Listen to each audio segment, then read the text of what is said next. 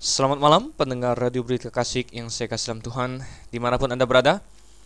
Saya ucapkan selamat datang ke dalam acara kita Mutiara Kebenaran. Dan saya menjadi tuan rumah atau pemandu sekaligus narasumber Anda dalam acara ini. Saya Dr. Stephen Einstein Liao. Dalam satu jam mendatang Bersiap-siaplah untuk membahas kebenaran firman Tuhan Yang akan kita ambil malam ini dari kejadian pasal yang ke-12 Ya, yang kasih Tuhan, ini akan kita lakukan pada saat ini. Kita akan membahas kebenaran firman Tuhan.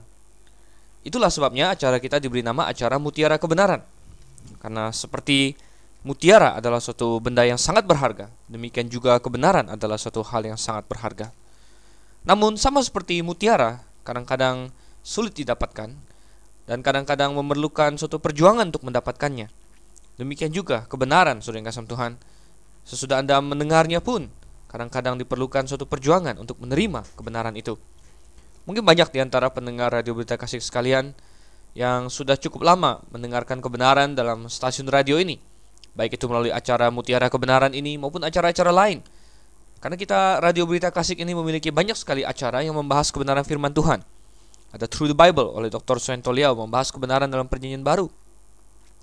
Ada acara uh, setiap Senin malam oleh penginjil Dance. Ada acara oleh penginjil Arifan. Uh, Gramata Community for the Truth setiap hari Kamis. Ya. Ada setiap hari Sabtu kita ada uh, pendengar bertanya, RBK menjawab. Dan ada begitu banyak lagi, saudara kasih Tuhan. Uh, minggu malam kita ada berteologi di udara. Sungguh banyak kebenaran-kebenaran firman Tuhan yang disampaikan melalui stasiun radio ini. Masalahnya adalah anda bisa sekedar menjadi pendengar dan tentu kami sangat menghargai Anda yang dengan setia mendengarkan radio berita klasik. Anda merupakan alasan kami eksis, Anda merupakan uh, alasan kami tetap mengudara dan Anda merupakan suatu penghiburan bagi kami. Tapi saudara yang kasih Tuhan, saya menantang Anda jangan hanya menjadi pendengar kebenaran, tetapi menjadi juga pelaku kebenaran. Peganglah kebenaran itu karena kebenaran itu seperti yang Yesus uh, umpamakan seperti mutiara yang demikian berharga, sehingga orang yang berhikmat berani bahkan untuk menjual segala miliknya dan membeli mutiara yang berharga itu. Oh, saudara yang Tuhan, kita akan membahas kebenaran firman Tuhan. Sudah kita lakukan hari demi hari, minggu demi minggu, saudara. Di radio ini, baik di program ini maupun di program-program lain. Tetapi marilah kita semua bertekad untuk melakukan kebenaran itu. Baik, Mari kita buka Alkitab kita bersama dalam kejadian pasalnya yang ke-12. Kejadian pasal yang ke-12, saudara yang kasih Tuhan. Dan kita akan lihat sekarang. Sesudah air bah, sesudah manusia terbelah-belah menjadi berbagai suku dan bangsa, apa yang terjadi pada manusia? Tapi sebelumnya, mari kita berdoa terlebih dahulu. Mari kita tundukkan kepala dan kita berdoa bersama. Bapa kami yang di surga, Tuhan, kami rindu akan pimpinanmu pada saat ini karena kami akan membahas firmanmu ya Tuhan. Dan firmanmu, engkau yang menulisnya, engkau pula yang dapat menyingkapkannya kepada kami. Kami mohon rohmu yang bekerja dalam hati setiap pendengar di mana pun mereka berada ya Tuhan. Agar sungguh mereka dapat mengerti kebenaran ini. Kami berdoa dalam nama Yesus Kristus, Tuhan dan Juru Selamat kami yang hidup. Amin. Baik. Mari kita buka Alkitab kita ke dalam kejadian pasalnya yang ke-12. Kejadian pasal yang ke-12, jika Anda punya Alkitab dekat Anda, saya sarankan dengan sangat Anda ikut membuka bersama dengan saya agar kita dapat membacanya bersama-sama. Kita lihat dulu ayat 1 hingga ayatnya yang ketiga. Kejadian 12 ayat 1 sampai 3 berbunyi demikian. Berfirmanlah Tuhan kepada Abram, Pergilah dari negerimu dan dari sanak saudaramu dan dari rumah bapamu ini ke negeri akan kutunjukkan kepadamu. Aku akan membuat engkau menjadi bangsa yang besar dan memberkati engkau serta membuat namamu masyur dan engkau akan menjadi berkat. Aku akan memberkati orang-orang yang memberkati engkau dan mengutuk orang-orang yang mengutuk engkau dan olehmu semua kaum di muka bumi akan mendapat berkat. Nah, saudara kasih Tuhan, kita lihat di sini jika sebelumnya Allah ber, berhubungan dengan manusia ya dalam suatu skala yang global, artinya Allah berhubungan dengan semua manusia secara sama dan juga dalam pengertian bahwa sebelum Abraham ya dan masih di zaman Abraham ya eh, Allah menggunakan para ayah untuk menjadi alat untuk meneruskan kebenaran dari satu generasi ke generasi lain. Setiap ayah punya tanggung jawab untuk memperkenalkan kebenaran kepada anak cucunya. Maka mulai dari ayat 12 ini Allah mulai ber, berurusan dengan satu orang secara spesial yang akan dia pilih untuk menjadi suatu bangsa yang spesial pula.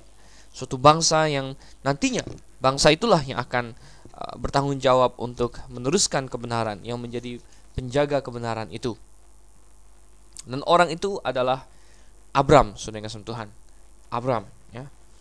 Dan kita sudah diperkenalkan kepada Abram ini di pasalnya yang ke-11. Kita tahu bahwa Abram adalah uh, anaknya Terah, saudara kasih Tuhan. Coba kita lihat sedikit ayatnya yang ke-26. Kita kilas balik ya, pasal 11 ayat 26 sampai ayat yang ke-32. Saya bacakan. Setelah Terah hidup 70 tahun, ia memperanakan Abram, Nahor, dan Haran. Inilah keturunan Terah. Terah memperanakan Abram, Nahor, dan Haran, dan Haran memperanakan Lot. Ketika Terah ayahnya masih hidup, matilah Haran di negeri kelahirannya di Urkasdim. Abram dan Nahor kedua-duanya kawin. Nama istri Abram ialah Sarai, dan nama istri Nahor ialah Milka, anak Haran, ayah Milka dan Yiska. Sarai itu mandul, tidak mempunyai anak. Lalu Tera membawa Abram anaknya serta cucunya, Lot, yaitu anak Haran, dan Sarai menantunya, istri Abram anaknya. Ia berangkat bersama-sama dengan mereka dari Urkasdim untuk pergi ke tanah Kanaan, lalu sampailah mereka ke Haran dan menetap di sana. Umur Tera ada 205 tahun saat ia mati di Haran. Melalui latar belakang inilah atau pada latar belakang inilah muncul narasi yang baru saja kita baca dari Kejadian pasal 12 ayat 1 hingga ayatnya yang ketiga. Dan Abram diperkenalkan sebagai salah satu anaknya Terah. Nah, dikatakan Terah hidup 70 tahun lalu yang memperanakan Abram, Nahor, dan Haran. Orang bisa saja mengambil kesimpulan yang salah di sini bahwa Abram adalah anak tertua yang lahir pada saat uh, Terah berumur 70 tahun. Sebenarnya tidak demikian, ya. Yang dimaksud adalah bahwa Terah mulai mempunyai anak saat dia berumur 70 tahun. Ya, tetapi urutan yang disampaikan di sini bukanlah urutan yang uh, yang pasti begitu ya. Bukanlah urutan yang yang menunjukkan siapa yang lahir duluan. Karena kita lihat sebenarnya Abram tidak lahir waktu uh, Terah berumur 70 tahun ya. Dan mungkin pasti adalah anaknya yang lain. Mungkin Haran ya karena Haran yang paling pertama menikah kita bisa berasumsi bahwa Haran adalah anak yang eh, paling besar gitu. dan kita lihat juga tentang keluarganya Abraham dan yang lain-lainnya di situ ya. Rupanya ada perkawinan antar keluarga yang cukup dekat dalam keluarga Abraham di sini atau Abram waktu itu dia masih dikenal. Kita tahu bahwa Haran mati muda, meninggalkan tiga orang anak yang tercatat, Lot, kemudian Milka dan Yiska. Sedangkan Milka ini menikah dengan pamannya sendiri yaitu Nahor. Ya. Jadi uh, Milka menikah dengan Nahor. Yiska kita tidak tahu uh, kabarnya ke mana. Sedangkan Abram sendiri kita tahu menikahi Sarai yang adalah uh, saudari perempuannya, saudari tiri ya, satu ayah berbeda ibu. Jadi ada ada pernikahan yang cukup dekat di antara keluarga mereka dan waktu itu memang belum dilarang oleh Tuhan. Nah, di dalam pasal yang ke-12 kita lihat Abram dipanggil oleh Allah. Abram Abram waktu itu adalah seorang yang tinggal di Urkasdim ya. Dan dari yang kita ketahui Urkasdim adalah tempat penyembahan berhala Saudara kasih Tuhan. Ya. Dan coba kita buka di dalam Yosua. Kita buka di dalam Yosua pasal yang ke-24 ya. Kemudian kita lihat ayatnya yang ke-14 ya. Yosua 24 ayat yang ke-14 dan 15 Yosua di sini menantang orang Israel. Dia bertanya demikian. Oleh sebab itu takutlah akan Tuhan dan beribadahlah kepadanya dengan tulus ikhlas dan setia. Jauhkanlah Allah yang kepadanya nenek moyangmu telah beribadah di seberang sungai Efrat dan di Mesir dan beribadalah kepada Tuhan. Dari apa yang diberitahu kepada kita di dalam Yosua pasal 24 ini, nenek moyang orang Israel ketika masih berada di seberang sungai Efrat, artinya saat mereka masih di daerah Urkasdim, saudara Tuhan, menyembah kepada Allah-Allah atau berhala-berhala gitu. Nah, ini menunjukkan kepada kita bahwa kemungkinan besar ya uh, keluarga seperti bapak atau kakeknya Abram adalah orang-orang yang menyembah berhala ya. Nah, beberapa hal mengejutkan kita mengenai hal ini antara lain pertama bahwa begitu cepatnya manusia menentang Allah yang benar. Padahal Terah ini ya masih belum terlalu jauh keturunannya dari Nuh sudah Tuhan. Belum terlalu jauh pula keturunannya dari Sem ya. Tetapi dalam waktunya sedemikian singkat, hanya beberapa ratus tahun saja, manusia sudah melupakan Tuhan yang telah menyelamatkan mereka dari air bah dan sebaliknya mereka telah mendirikan Allah-Allah lain bagi mereka. Ini adalah hal yang sangat mengagetkan ya. Tetapi seharusnya kita bisa menduga hal ini karena manusia sudah jatuh dalam dosa dan memiliki sifat dosa. Hal yang lebih mengejutkan sebenarnya adalah bahwa Abram ternyata bisa beribadah kepada Allah yang benar di tengah-tengah segala uh, penyembahan berhala itu. Ada sesuatu dalam diri Abram yang melihat semua apa yang dilakukan oleh orang-orang sebangsanya sebagai sesuatu yang bodoh. Kenapa mereka harus berlutut kepada kayu? Mengapa mereka harus menyembah kepada batu? Mengapa mereka harus uh, takut kepada benda-benda yang mati? Yang walaupun memiliki telinga tidak dapat mendengar, walaupun memiliki tangan tidak dapat berbuat apa-apa, walaupun memiliki mulut tidak dapat berbicara dan mata yang tidak dapat melihat. Abraham menyadari itu semua adalah kebohongan belaka. Dan dia rindu untuk mengenal Allah yang benar, Allah yang menciptakan langit dan bumi, Allah yang tidak memerlukan manusia untuk membantu dia, tetapi yang justru dapat membantu manusia untuk menemukan jati diri mereka, untuk hidup menghidupi hidup yang penuh dengan kebahagiaan. Abraham merindukan Allah yang demikian dan sudah kasih Tuhan. Allah yang demikian itu akhirnya menyatakan diri kepada Abraham. Sungguh sudah kasih Tuhan. Dan uh, Abraham disuruh untuk pergi sudah kasih Tuhan Allah datang kepada dia dan berfirman. Ini adalah catatan kita yang pertama di mana Allah datang menghampiri Abraham dan Allah berkata kepadanya, "Pergilah dari negerimu, dari sanak saudaramu, dari rumah bapamu ini." Oh, sudah kasih Tuhan. Karena nenek moyang mereka menyembah kepada berhala, maka langkah pertama yang Abraham harus lakukan adalah untuk memisahkan diri dari mereka.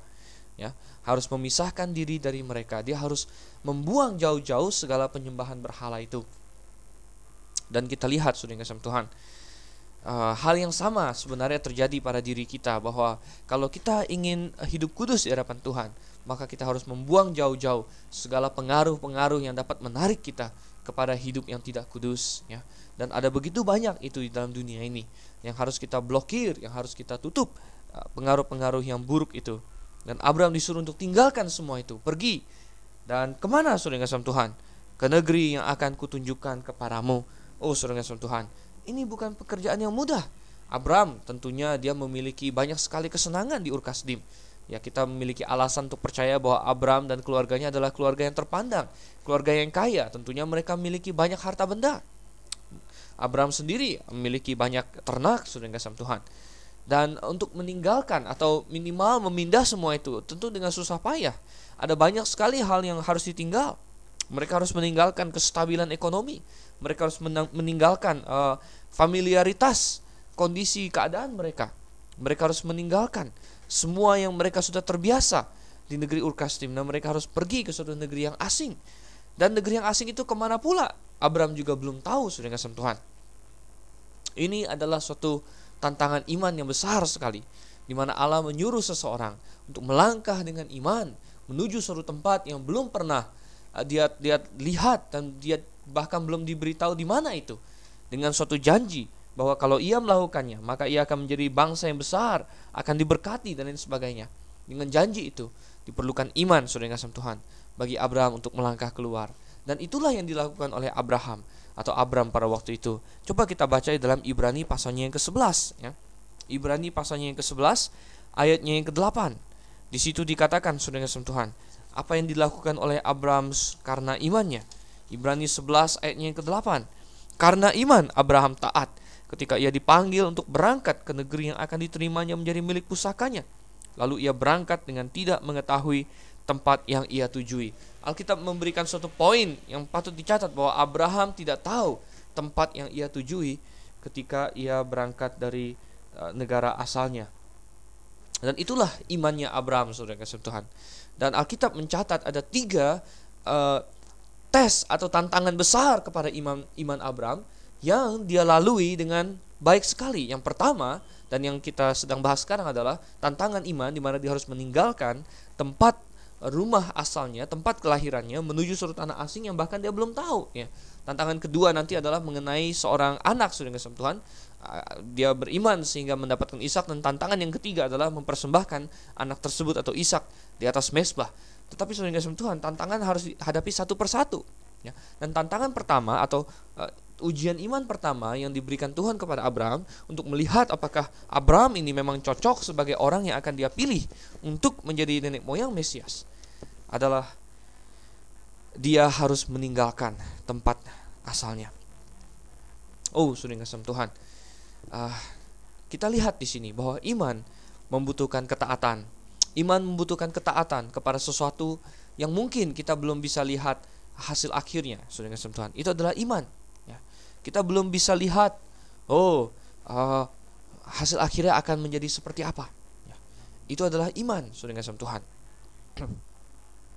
Nah, di dalam uh, di dalam permainan catur dengan Tuhan karena saya suka bermain catur jadi saya tahu bahwa dalam permainan catur biasanya yang yang paling diperlukan adalah berpikir ke depan dengan Tuhan berpikir ke depan ya uh, seberapa banyak langkah kita bisa berpikir ke depan maka sebanyak langkah itu pula kita bisa mengantisipasi gerakan musuh ya.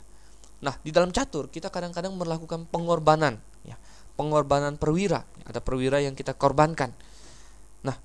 Di dalam pengorbanan ya di dalam uh, dunia catur ada yang di, istilahnya disebut ada dua tipe pengorbanan saudara Pengorbanan yang sejati dan pengorbanan yang semu Tuhan. Apa itu pengorbanan yang sejati? Apa itu pengorbanan yang semu? Ya. Pengorbanan yang sejati adalah ketika ya kita korbankan dan kita belum bisa hitung ke depan bagaimana caranya kita bisa mendapat untung dari pengorbanan itu. Kita belum bisa lihat. Tapi dari intuisi saja kita merasa, oh sepertinya ini adalah langkah yang baik. Walaupun ini pengorbanan, ya, tapi sepertinya saya bisa mendapatkan keuntungan. Belum bisa terhitung oleh kita keuntungannya dari mana. Sedangkan pengorbanan yang semu adalah eh, kita mengorbankan dan kita sudah bisa hitung katakanlah dua langkah tiga langkah empat langkah lima langkah ke depan kita sudah bisa hitung pasti bisa mendapat keuntungan kembali dari pengorbanan itu Nah, itu disebut pengorbanan semu. Mengapa? Karena uh, itu bukan pengorbanan begitu. Itu kita sudah tahu ini pasti untung punya begitu belakangan. Maka itu sebenarnya bukan pengorbanan. Itu pengorbanan semu. Cuman depannya doang kelihatan seperti pengorbanan. Tapi ujung-ujungnya kita sudah tahu pasti untung. Nah, sudah ngasam Tuhan. Nah, saya katakan bahwa uh, dalam hal iman dan mempercayai Allah, ya, uh, sebenarnya sama, saudara. Iman yang sejati Iman yang sejati yang sudah uh, bisa dibuktikan bukanlah iman yang ya, melakukan hal-hal yang mudah, yang melakukan hal-hal yang gampang, yang melakukan hal-hal yang tanpa tantangan begitu. Katakanlah dia bilang, "Oh, saya beriman." ya. Dan buktinya apa? Ya, saya taat kepada Tuhan ketika ketaatan itu bisa memberikan kepada saya keuntungan.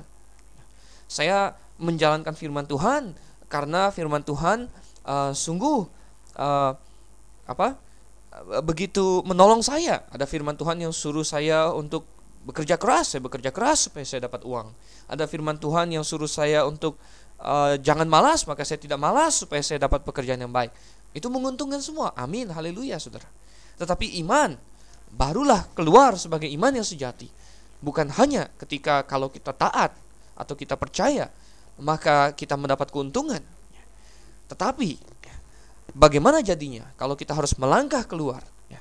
kalau apa yang kita kalau ketaatan kita menuntut kita untuk melakukan pengorbanan dan kita belum bisa lihat sampai ujungnya kira-kira bagaimana saya bisa dapat keuntungan lagi dari ini tidak ada itu ya.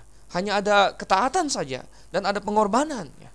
maka itu adalah saatnya di mana iman yang benar itu saudara kasih Tuhan teruji ya iman yang benar teruji dan sebenarnya kita tidak perlu takut, saudara. Ya. Saya katakan bahwa iman yang benar, ya, itu pun sebenarnya kalau anda berhikmat, itu pun bukan suatu pengorbanan. Mengapa? Ya, karena kita disuruh oleh Allah. Ya, Allah adalah Allah yang maha tahu. Saya ambil ilustrasi main catur lagi. Kalau Allah main catur, dia dari langkah pertama sampai langkah terakhir sudah tahu sudah dengan Tuhan. Ya. Oleh karena itu kalau dia suruh kita melangkah begini, ya, maka itu sudah pasti adalah langkah yang paling baik ya. Kita tidak perlu meragukan lagi walaupun kita belum bisa menghitung. Wah, Tuhan, kenapa saya disuruh melangkah begini? Ya, saya tidak bisa menghitung. Ya. Eh, bagaimana ini bisa uh, menolong saya? Bagaimana ini bisa menguntungkan saya? Kita belum bisa hitung itu. Tapi sudah ngasam Tuhan. Karena kita percaya kepada Allah, itulah iman. Dan kita percaya Allah sudah tahu sampai ke ujungnya. Allah sudah melihat sampai ke akhirnya. Allah sudah melihat sampai ke skakmatnya, sudah Tuhan dan kita sudah menang. Allah yang sama itu yang memberitahu kita, ini yang perlu kamu lakukan. Dan adalah iman, saudara, ketika kita melakukannya. Itu yang Abraham lakukan. Ya, Abraham, saudara kasih Tuhan, ah, Tuhan panggil keluar dari Ur Tuhan bilang kepadanya, pergilah engkau katanya ke negeri yang akan kutunjukkan kepadamu. Tuhan negeri yang mana? Abraham mungkin bertanya. Seperti apa? Apakah saya akan suka? Ya. Ah, mungkin Abraham bertanya-tanya. Ya. Tuhan sebesar apa? Ya. Jangan-jangan hanya kecil Tuhan. Oh, tidak, sudah kasih Tuhan. Abraham sungguh-sungguh percaya kepada Tuhan. Ya. Dan kita lihat di sini, mulainya dibentuknya suatu bangsa yang khusus, bangsa Israel, Saudara. Dan Tuhan berjanji kepada Abraham, kalau Abraham mau beriman kepadanya, ya, kalau Abraham mau beriman kepadanya, dikatakan di ayat yang kedua, Aku akan membuat engkau menjadi bangsa yang besar dan memberkati engkau serta mem, serta membuat ya namamu masyur dan engkau akan menjadi berkat. Aku akan memberkati orang-orang yang memberkati engkau dan mengutuk orang-orang yang mengutuk engkau dan olehmu semua kaum di muka bumi akan mendapat berkat. Oh, saudara yang Tuhan. Sebenarnya ya, di sini ada tiga lapis janji yang Tuhan berikan tiga macam janji yang Tuhan berikan kepada Abraham di sini, saudara kasih Tuhan. Yang pertama adalah janji tanah, saudara kasih Tuhan. Di mana Tuhan berkata, "Pergilah ke negeri yang akan kutunjukkan kepadamu." Dan negeri itu dijanjikan kepada Abraham. Memang kurang begitu jelas di dalam ayat ini, tapi Tuhan akan perjelas nanti di janji-janji seterusnya bahwa seluruh tanah itu akan diberikan kepada Abraham. Jadi ada janji akan suatu tanah, saudara kasih Tuhan. Yang kedua ada janji keturunan. Abraham uh, menikah dengan Sarai, saudara kasih Tuhan Sarai 10 tahun lebih muda daripada Abram ya.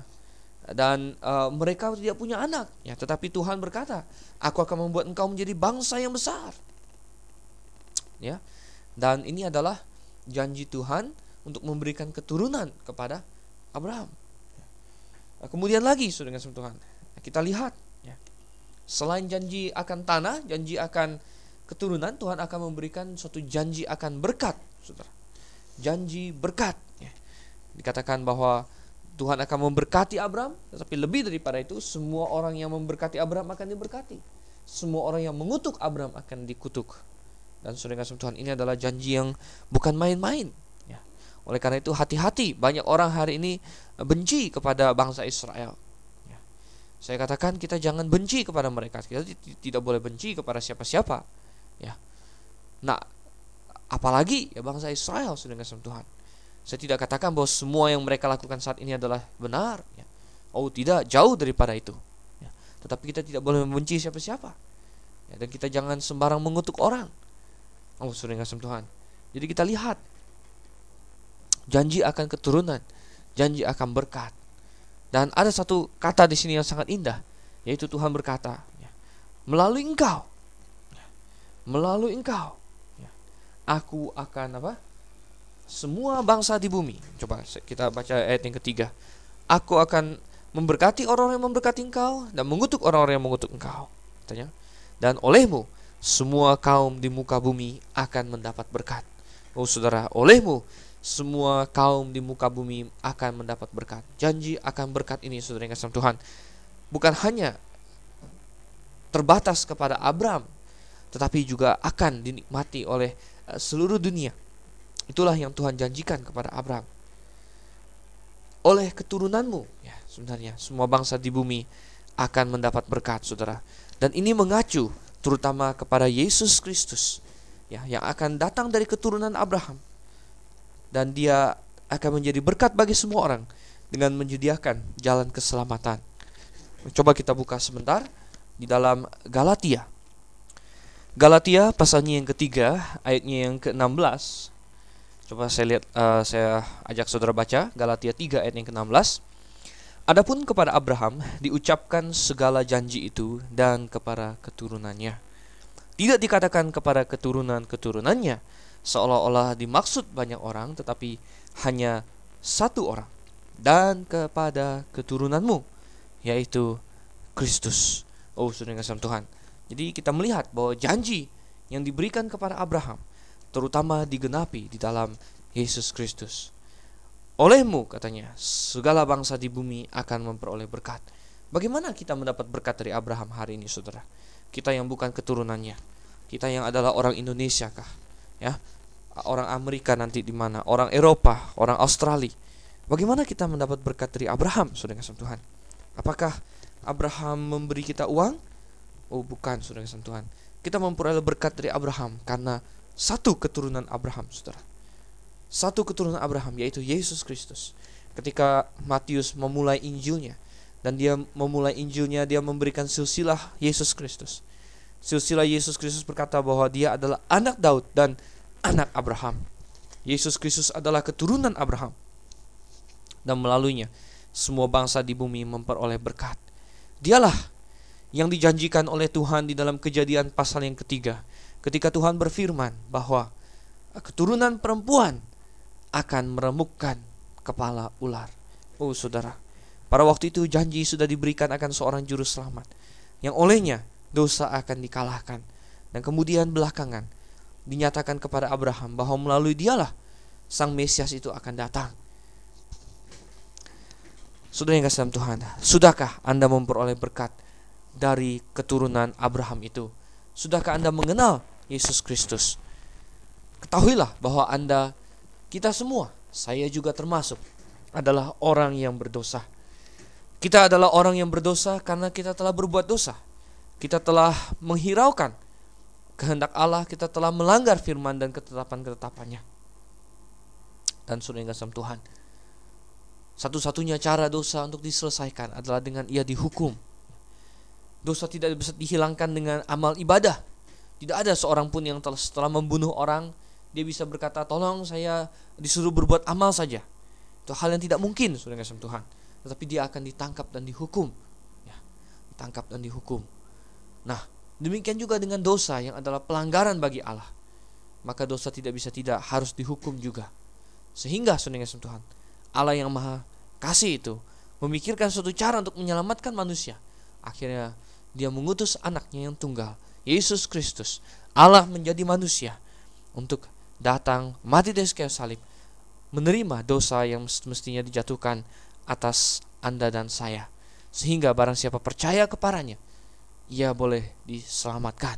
Oh, saudara kasih Tuhan. Itulah ya. Itulah berkat yang dapat diperoleh dari keturunan Abraham itu yaitu Yesus Kristus. Kita lanjutkan lagi sore yang Tuhan, narasi kita. Sekarang kita akan lihat ayat yang keempat hingga ayatnya yang kesembilan. Dikatakan di situ, Lalu pergilah Abram seperti yang difirmankan Tuhan kepadanya dan Lot pun ikut bersama-sama dengan dia. Abram berumur 75 tahun ketika ia berangkat dari Haran. Abram membawa Sarai istrinya dan Lot anak saudaranya dan segala harta benda yang didapat mereka dan orang-orang yang diperoleh mereka di Haran. Mereka berangkat ke tanah Kanaan lalu sampai di situ. Abram berjalan melalui negeri itu sampai ke suatu tempat dekat Shikem, yakni pohon tarbantin di More. Waktu itu orang Kanaan diam di negeri itu. Ketika itu Tuhan menampakkan diri kepada Abram dan berfirman, Aku akan memberikan negeri ini kepada keturunanmu maka didirikannya di situ mesbah bagi Tuhan yang telah menampakkan diri kepadanya. Kemudian ia pindah dari situ ke pegunungan di sebelah timur Betel. Ia memasang kemahnya dengan Betel di sebelah barat dan Ai di sebelah timur. Lalu ia mendirikan di situ mesbah bagi Tuhan dan memanggil nama Tuhan. Sesudah itu Abram berangkat dan makin jauh ia berjalan ke tanah Negeb. Ayat 4 memberikan kepada kita respon dari Abram kepada panggilan Tuhan. Dikatakan lalu pergilah Abram seperti yang difirmankan Tuhan kepadanya. Ya, pergilah Abram seperti yang difirmankan Tuhan kepadanya. Jadi iman Abraham adalah iman yang berbuah, iman yang berbuah kepada ketaatan, saudara. Iman yang uh, bukan kosong, bilang beriman beriman, tapi ternyata dia tidak melakukan apa yang Tuhan katakan. Nah, sangat menarik sekali bahwa uh, Paulus maupun Yakobus ya sama-sama memakai ayat yang sama untuk membuktikan uh, kebenaran yang sama tapi dua sisi dari kebenaran yang sama. Apa maksudnya? Coba saya ajak kita buka pertama-tama dalam Roma pasalnya yang keempat, saudara. Ya, Roma pasalnya yang keempat. ya, saya bacakan ya. Di situ dikatakan ya, jadi apakah akan kita katakan tentang Abraham mulai dari ayat, ayat 1 ya? Abraham bapa leluhur jasmani kita. Sebab jikalau Abraham dibenarkan karena perbuatannya, maka ia beroleh dasar untuk bermegah, tapi tidak di hadapan Allah. So, apakah dikatakan nas kitab suci? Lalu percayalah Abraham kepada Tuhan dan Tuhan memperhitungkan hal itu kepadanya sebagai kebenaran. Jadi Paulus menunjuk bahwa adalah kepercayaan Abraham ya yang membuat dia benar di hadapan Tuhan Coba kita bandingkan dengan Yakobus pasalnya yang kedua. Ya. Yakobus pasalnya yang kedua. Kemudian kita lihat ya, ayatnya yang ke-21 ya, sampai 23. Yakobus 2 ayat 21 23. Bukankah Abraham bapa kita dibenarkan karena perbuatan-perbuatannya ketika ia mempersembahkan Ishak anaknya di atas mesbah? kamu lihat bahwa iman bekerja sama dengan perbuatan-perbuatan dan oleh perbuatan-perbuatan itu iman menjadi sempurna. Dengan jalan demikian genaplah nas yang mengatakan lalu percayalah Abraham kepada Allah maka Allah memperhitungkan hal itu kepadanya sebagai kebenaran. Bayangkan Saudara, baik Paulus maupun Yakobus mengutip ayat yang sama bahwa lalu percayalah Abraham kepada Allah maka Allah memperhitungkan hal itu kepadanya sebagai kebenaran. Paulus mengutip ayat ini untuk menunjukkan bahwa adalah iman kita yang menyelamatkan kita, bukan perbuatan kita. Yakobus sebaliknya, ya, mengutip ayat ini untuk menunjukkan bahwa iman yang benar adalah iman yang bekerja. Ya, iman yang bekerja, iman yang menghasilkan perbuatan. Jadi perbuatan itu tidak menyelamatkan saudara, tetapi perbuatan adalah hasil dari iman yang menyelamatkan. Kalau Anda berkata Anda punya iman, tetapi Anda tidak punya perbuatan yang dihasilkan oleh iman itu, maka iman Anda bukanlah iman yang benar. Iman Anda iman yang kosong. Itu bukan iman yang Tuhan cari. Itu bukan iman yang dimaksud oleh Paulus juga. Jadi sudah kasih Tuhan. Abraham dan waktu itu nama dia belum Abraham. Ini kita lebih kenal dengan Abraham tapi dia sebenarnya adalah Abram sebelumnya. Ya. Dan dia uh, taat. Dia melakukan apa yang Tuhan suruh dia lakukan. Dikatakan dia berumur 75 tahun ketika ia berangkat dari Haran, saudara kasih Tuhan. Dan kita tahu bahwa Abram kalau kita baca di uh, pasal 11 ayatnya yang ke uh, ayatnya yang ke-31 di situ ya bahwa dia tinggal bersama dengan bapaknya di Haram di Haran sampai bapaknya mati begitu. Jadi bapaknya mati umur 205 sedangkan Abram keluar dari Haran saat bapaknya mati umur 75. Artinya Abram lahir ketika Terah berumur 130 tahun, Saudara. Ya Abram lahir waktu Tera berumur 130 tahun. Sedangkan anak pertama dari uh, Tera itu dia dapatkan ketika dia berumur eh, uh, 70 tahun. Jadi kita lihat di sini ya ada suatu uh, kesenjangan yang cukup besar antara anak pertamanya Tera hingga dengan Abram ya mereka ada berbeda 60 tahun saudara ya 60 tahun nah jadi kita lihat di sini ya Eh, kalau memang benar bahwa Haran adalah yang paling pertama, anak yang paling pertama, ya. Kalau Haran adalah anak yang paling pertama dari dari Tera, ya, dan Haran menikah pada saat dia muda, begitu, ya. Haran menikah saat dia muda, dia punya anak, ya. Nah, maka ada kemungkinan, saudara kasih Tuhan, bahwa anaknya uh, Haran ini, Lot, ya, umurnya itu tidak selisih terlalu jauh dengan Abram sebenarnya ya mungkin masih selisih ada 20-30 tahun tetapi uh, bukan suatu selisih yang seperti kita bayangkan Abraham sudah uh, umurnya 70-an sedangkan uh, Lot baru umurnya belasan begitu. Ya, itu atau 20-an itu sepertinya bukan demikian ya. Lebih mirip adalah bahwa Abraham mungkin sekitar 75 sedangkan Lot sendiri mungkin sudah berumur sekitar 50-an begitu. Ya. Karena apa? Haran beda antara anak-anak pertamanya Abr Tera dengan Abram sendiri uh, sangat besar sekali ya. Nah, kita lihat di sini. Jadi semua Abram bawa, ya, Sarah dan Lot katanya segala harta benda, kemudian mereka pergi ke Kanaan. Dan mereka pergi ke tempat namanya Sikem, ya, ada pohon tarbantin di More dan lain sebagainya. Dan kita diberitahu bahwa waktu itu orang Kanaan diam di negeri itu. Orang Kanaan, sudah kasih Tuhan. Kanaan adalah anaknya Ham yang dikutuk oleh uh, Nuh, sudah kasih Tuhan. Dan mereka menjadi bangsa yang bejat. Ya. Uh, mungkin bukan karena kutukan itu mereka menjadi bangsa yang bejat, tetapi uh, kutukan itu membenarkan ya, apa kelakuan mereka yang bejat membenarkan kutukan itu? Ya. uh, mungkin uh, Nuh seperti yang sudah pernah kita bahas dia sudah melihat ada kecenderungan untuk sifat-sifat seperti itu dalam diri Ham dan dalam diri anaknya Kanaan ya. sehingga uh, Nuh langsung saja untuk mengutuk dia. Dan di ayat yang ketujuh di situ Tuhan katanya menampakkan diri kepada Abraham ya, dan berjanji akan memberikan tanah itu. Janji tanah lagi saudara Tuhan yang di sini diperjelas oleh Tuhan janji tanah kepada Abraham ya. Kemudian kita lihat dia pindah ke beberapa tempat ke Bethel ya uh, ke tanah Negev dan harus kita ketahui bahwa beberapa dari kota-kota ini seperti Bethel, Sikem dan sebagainya ya itu adalah nama-nama yang dikenal pada zaman Musa begitu. Dan pada zaman Abraham mungkin mereka belum terkenal dengan nama itu seperti Bethel, Saudara. Bethel itu pada zaman Abraham eh, belum berbentuk kota, itu masih tanah lapang ya bahkan pada zamannya Yakub juga bahkan yang memberikan nama Bethel kepada tempat itu adalah Yakub. Kita akan belakangan lihat ya.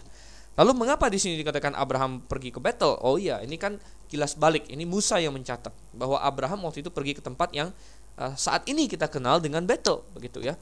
Walaupun pada zaman Abraham mungkin uh, dia belum belum belum tahu atau belum kasih nama tempat itu dan tempat itu belum punya nama ya tetapi sekarang sudah dikenal dengan nama Bethel. Jadi Musa hanya menceritakan bahwa Abraham berjalan dari sini ke sini dan ke sini ke sini. Nah coba kita lihat lagi sekarang ayatnya yang ke-10 hingga ayatnya yang ke-20 di mana judulnya adalah Abram di Mesir. Saya bacakan ketika kelaparan timbul di negeri itu tanya pergilah Abram ke Mesir untuk tinggal di situ sebagai orang asing sebab hebat kelaparan di negeri itu. Pada waktu ia akan masuk ke Mesir, berkatalah ia kepada Sarai istrinya, Memang aku tahu bahwa engkau adalah seorang perempuan yang cantik parasnya. Apabila orang Mesir melihat engkau, mereka akan berkata, itu istrinya. Jadi mereka akan membunuh aku dan membiarkan engkau hidup. Katakanlah bahwa engkau adikku, supaya aku diperlakukan mereka dengan baik karena engkau, dan aku dibiarkan hidup oleh sebab engkau. Sesudah Abram masuk ke Mesir, orang Mesir itu melihat bahwa perempuan itu sangat cantik. Dan ketika penggawa-penggawa Firaun melihat Sarai, mereka memuji-mujinya di hadapan Firaun, sehingga perempuan itu dibawa ke istananya. Firaun menyambut Abram dengan baik-baik, karena ia mengingini perempuan itu. Dan Abram mendapat kambing domba, lembu sapi, keledai jantan, budak laki-laki dan perempuan, keledai betina dan unta. Tetapi Tuhan menimpakan tulah yang hebat kepada Firaun. Demikian juga kepada seisi istananya karena Sarai istri Abram itu. Lalu Firaun memanggil Abram serta berkata, Apakah yang kau perbuat ini terhadap aku? Mengapa tidak kau beritahukan bahwa ia istrimu? Mengapa engkau katakan dia adikku sehingga aku mengambilnya menjadi istriku? Sekarang inilah istrimu, ambillah dan pergilah. Lalu Firaun memerintahkan beberapa orang untuk mengantarkan Abraham pergi. Abraham pergi bersama-sama dengan istrinya dan segala kepunyaannya. Oh, sudah kasih Tuhan. Akhirnya mereka sampai di tanah Kanaan, mereka tinggal sekian lama, tidak diberitahu berapa lama, tetapi kemudian ujian datang lagi, saudara kasih Tuhan. Tanah yang Tuhan bilang akan diberikan kepadanya tiba-tiba menderita kelaparan, saudara. Oh, bayangkan ini. Tuhan telah berjanji kepada Abram bahwa dia akan memberikan tanah itu kepada Abram, saudara kasih Tuhan. Lalu tiba-tiba tanah itu uh, kekeringan, tanah itu kelaparan. Oh, betapa ini suatu ujian. Dan rupanya pada saat itu iman Abraham masih belum sekuat belakangan saudara. Kita melihat Abraham pun bapak orang beriman mengalami peningkatan iman saudara. Pada waktu itu dia belum cukup beriman. Mestinya dia punya iman bahwa Allah tetap bisa memelihara dia di Kanaan ya. Tetapi waktu itu dia mulai kelabakan, saudara. Oh, ini ini tanah kanan Tuhan sudah berikan pada saya, tapi ini mulai kelaparan nih. Akhirnya dia pilih, saya pergi saja, saya pindah ke Mesir. Oh, saudara, padahal Tuhan sudah bilang tanah Kanaan itu milik dia. Mestinya dia beriman, tetapi dia belum cukup kuat, saudara. Belakangan kita lihat, kita akan baca nanti, ketika uh, pada saat dalam hal yang sama, ketika dia mendapatkan Ishak dengan Tuhan, hampir sama, ya. Ketika dia mendapatkan Ishak, itu adalah janji Tuhan kepada dia, jawaban atas doanya yang begitu panjang. Tapi kemudian Tuhan uh, menyuruh dia untuk mempersembahkan Ishak itu, ya. Dan pada saat itu mungkin dia bisa bertanya hampir sama seperti uh, pada saat kelaparan ini. Tuhan, engkau sudah janji, kenapa jadi begini? Gitu ya. Tuhan, engkau sudah janji, Ishak adalah keturunanku, mengapa sekarang harus mempersembahkan Ishak? Ya. Tetapi pada waktu itu imannya sudah kuat. Pada waktu di awal-awal sini, saudara, imannya belum sekuat itu sehingga dia tidak tetap di tanah Kanaan, dia memilih untuk pergi ke Mesir. Dan satu kesalahan ini akhirnya akan berujung kepada kesalahan yang lain. Bukankah itu yang biasanya terjadi dalam kehidupan kita juga, Saudara yang kasih Tuhan? Bahwa ketika kita melakukan satu kesalahan di mana kita menempatkan diri kita pada situasi yang tidak menguntungkan, maka kita akan lebih mudah untuk membuat kesalahan yang lain. Mesir adalah tempat di mana terjadi banyak sekali penyembahan berhala. Mesir adalah tempat di mana tidak ada takut akan Tuhan di situ. Abraham mestinya tahu akan hal itu. Dari berbagai hal yang kita baca tentang sejarah Mesir, ya.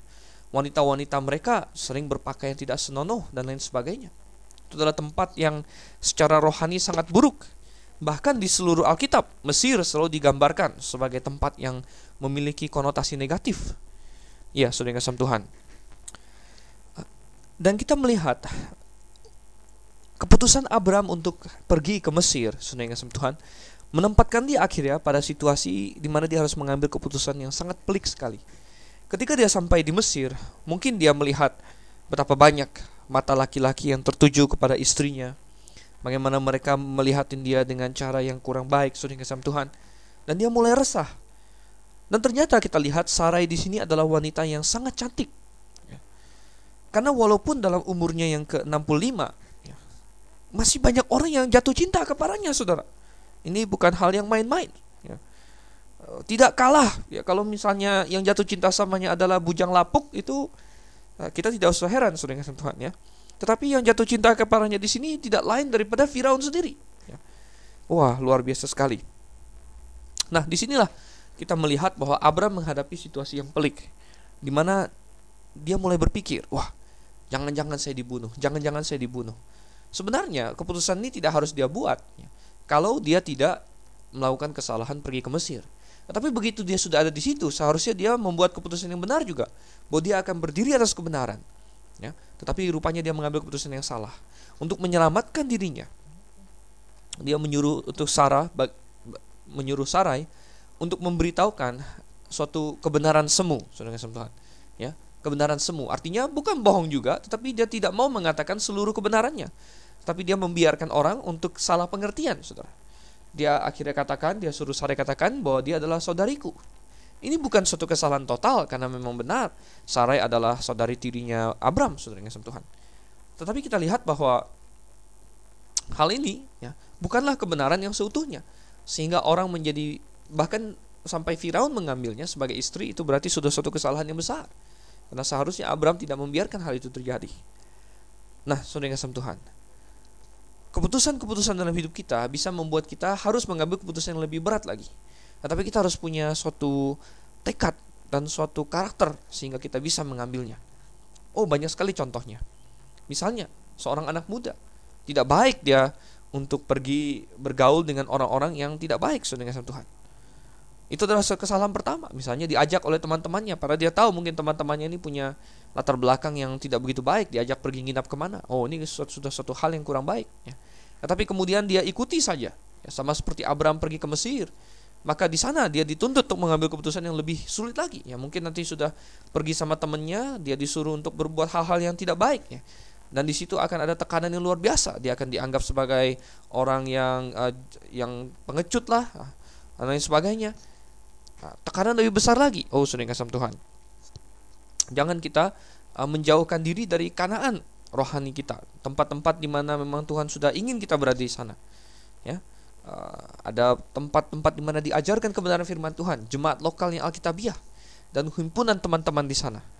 Ya, saudara Tuhan, jangan kita uh, membuatnya untuk terlihat seperti kita akan pergi ke Mesir ya.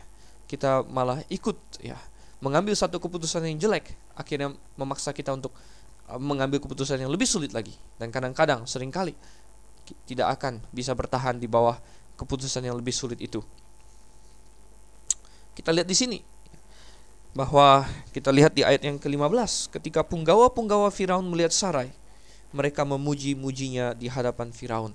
Oh, luar biasa sekali saudara Tuhan. 65 tahun saat ini pasti sudah nenek-nenek, Saudara. Kalau di zaman kita sudah keriput ya. Bahkan sudah dibantu dengan segala kosmetik ya. Uh, belakangan botox dan sebagainya ya. Tetap tidak bisa stay fresh gitu. Tetapi Sarai ya, kita melihat artinya pada waktu itu proses penuaan belum sehebat sekarang Saudara Tuhan. Sarai masih uh, menunjukkan keanggunan bagaikan seorang yang masih muda. Padahal dia sudah tua. Ya. Sehingga katanya punggawa-punggawa Firaun memuji-mujinya di hadapan Firaun. Nah kata memuji-muji di sini adalah kata halal, saudara kasih Tuhan.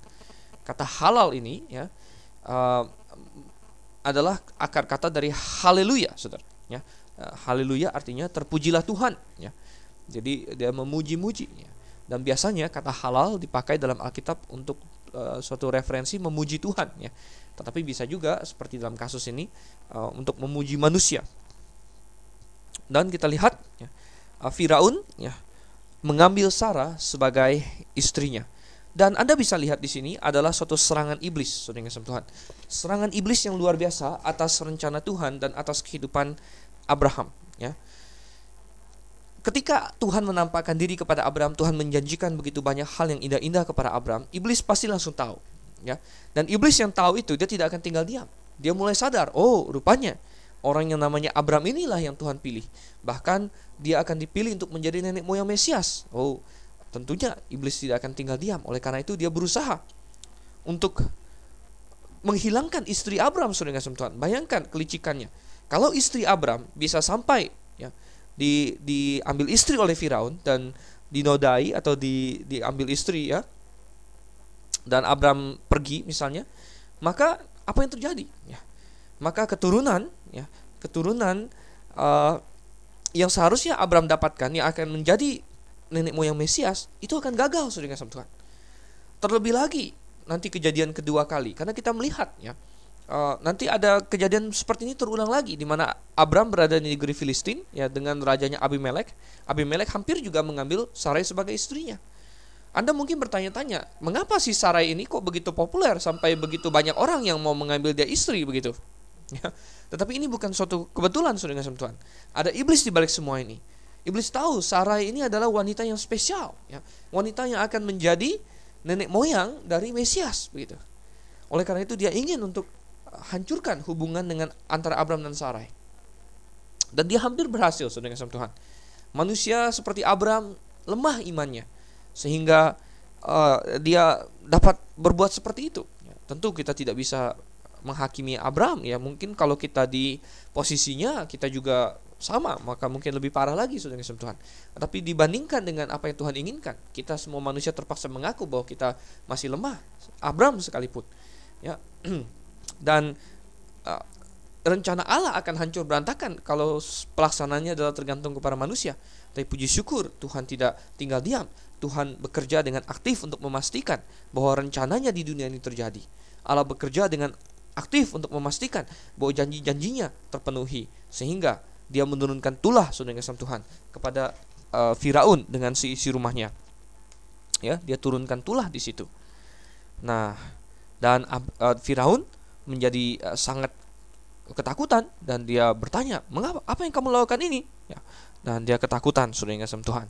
Tetapi kita lihat bahwa uh, itulah intervensi yang Allah lakukan agar uh, Abram tidak jadi uh, melakukan suatu kesalahan fatal dengan membiarkan Sarah istrinya diambil oleh orang lain.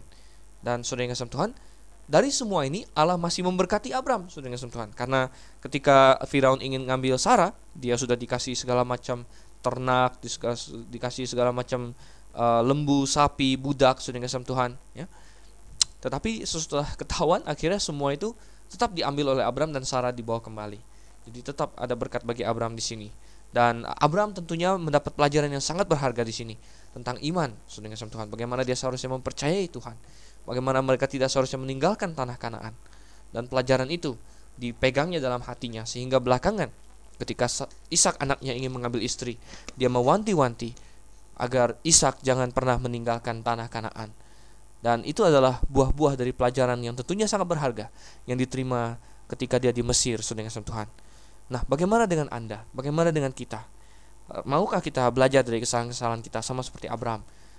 Atau mungkin lebih baik lagi, kita sudah belajar dan kali berikutnya ada tantangan. Jangan kita membuat keputusan yang salah. Amin sudah.